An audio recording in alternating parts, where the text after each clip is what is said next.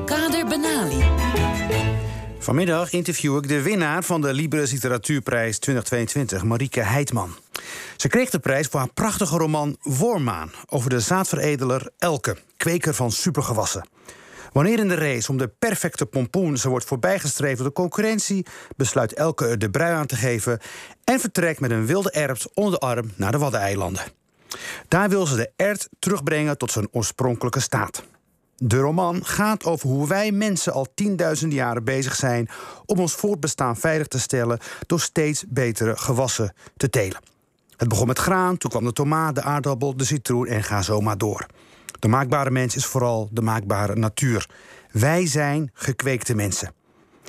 Ik geniet vooral van de passages waarin elke de aarde rijp maakt voor de jonge aanplant. De liefde en toewijding waarmee, waarmee de hoofdpersoon de grond onder, de handen neemt, onder handen neemt, doet me denken aan mijn vader.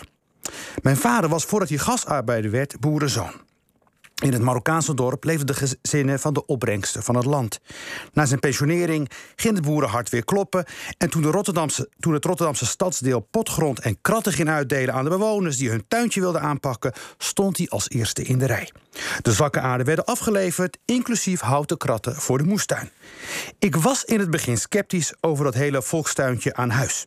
Uit de, uit de paar vierkante meter staken slechts wat door takken en er lagen ook best wel veel stenen. Mijn vader kocht glazen en toog aan het werk. Een jaar later serveerde mijn moeder warme aardappelen. Uit de tuin, riep mijn vader triomfantelijk. Had ik hem ooit trotser gezien. En daar bleef het niet bij. Met elk bezoek werd het menu van geoogste groenten langer en langer en langer. Ik at pompoen en courgette uit de tuin van mijn vader. We kregen tassen met appels mee naar huis. Vanuit de huiskamer zie ik hem wieden en schoffelen, dode takken en bladeren verwijderen om het zonlicht de kans te geven dieper in de tuin door te dringen. Vogels sprongen van tak naar tak, omringen mijn vader. Het Berberwoord voor tuin is huerta, afgeleid van het Romeinse hortus, tuin. Wij zijn zo oud als onze tuin. De oorsprong van de volkstuin is trouwens een hele nobele. Arme mensen werden in staat gesteld om in tijden van nood in hun eigen levensbehoeften te voorzien. Al in de 18e eeuw biedt de maatschappij tot het nut van het algemeen in Franeker arbeiders een tuin aan. De volkstuin ter bestrijding van armoede, maar ook om het moreel van de arbeider op te krikken. Net als in de roman van Heitman is de natuur er om de mens te verheffen. Tijdens de Tweede Wereldoorlog ontwiep de bezetter de onderhouders van volkstuintjes aan strenge controles, wetende dat met de opbrengst ondergedoken Joden werden geholpen. De volkstuin was een welkome aanvulling op de voedselbonnen. Het voorlopige hoogtepunt dat mijn vader me presenteerde kwam van een boom uit zijn moederland. Ze lagen gewassen en gedroogd op me te wachten uit de tuin.